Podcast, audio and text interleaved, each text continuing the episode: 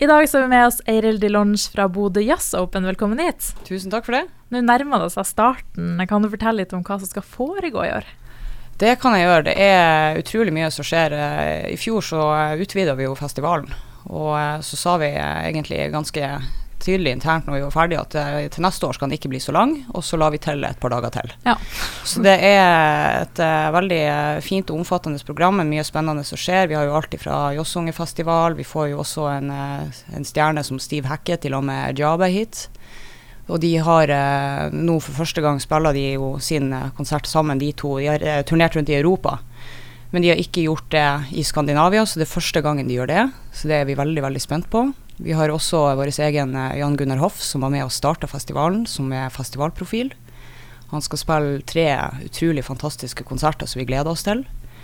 Og så får vi også jeg eh, tror en utrolig glitrende flott konsert med Nordnorsk Jazzensemble og Arve Henriksen. og jeg, jeg, kunne egentlig dratt frem absolutt alt, for det, det som er litt sånn tricky med å jobbe i festivalen, det er at man skulle jo gjerne egentlig hatt fri mm. til å se, se, alt som skjer. Men man får jo dessverre ikke muligheter til det. Men jeg håper publikum kommer, og at de vil ha en fantastisk opplevelse av alt fra både festaften til Jossungefestival og jazzkafé og alt innimellom annet vi har å by på.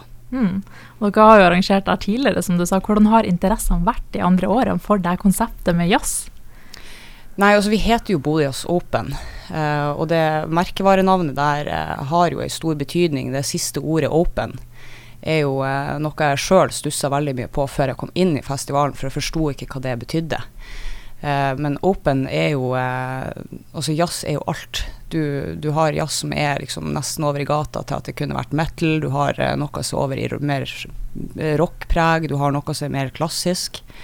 Så det er, det er, så stor variasjon innenfor den sjangeren der. Og når vi kaller oss sjøl Bodias Open, så er det fordi at vi også skal lage et program som fanger alle jazzen sine sider, og, som ikke minst introduserer folk som meg, da, som kommer litt ny inn i det her og er litt nysgjerrig på hva er dette egentlig, til eh, ja, hva jazz kan være for noe.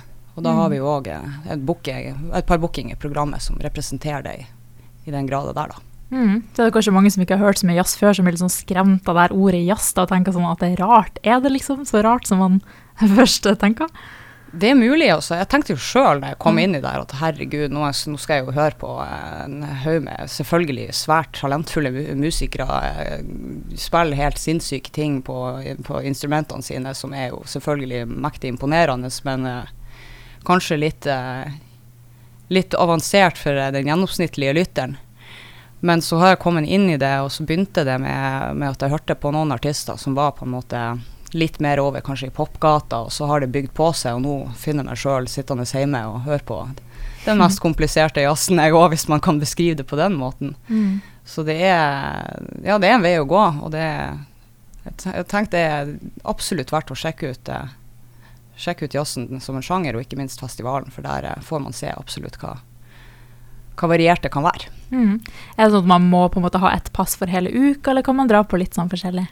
Man kan kjøpe det som vi, har, som vi kaller for et jazzpass. Da får man litt fordeler og rabatter sånt i forhold til eh, konserter. Det står det mer informasjon om på nettsida vår, men utenom det så kan man plukke sine favoritter. Og så kan man dra på de konsertene man har lyst til. For det er jo 50 arrangementer vi skal ha på ei uke. Så for selvfølgelig, hvis det er noen som har noen gode brodder og noen eh, joggesko og uh, har lyst til å sprenge mellom absolutt alt, så skal de jo selvfølgelig få lov til det, men det, det er kanskje ikke det alle får til. Nei. Uh, men uh, nei, det, det, det, er mye som skjer. Veldig mye å by på. Veldig mye mm. artig. Og så skal dere ha det her Joss-ungene som du prata litt om. Det var et gratis arrangement for barn? Ja, ja. det er kjempeartig. Vi hadde flere år før, og det blir en veldig populær og artig dag. Vi har jo eh, både sushikurs eh, arrangert fra Oma, som alltid er veldig godt besøkt.